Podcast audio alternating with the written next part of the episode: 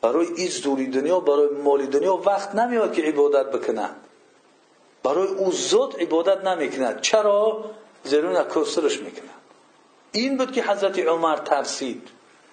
گفت والله اگر شما گناه بکنید نماز نخونید طاعت عبادت خدا را نکنید شما پیروز نمیشید پیروزی شما بر ضد دشمنان شما برای آن است که شما خدا را طاعت عبادت می‌کنید.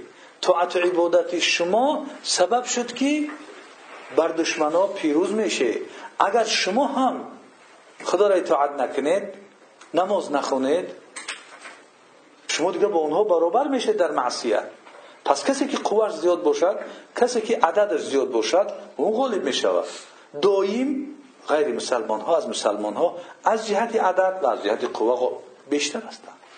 هیچ وقت مسلمان ها از روی عدد و از روی آلت های اسباب جنگیشو غلبه نمی‌کنن این قاعده که حضرت عمر رضی الله عنه چکو کرد؟ گفت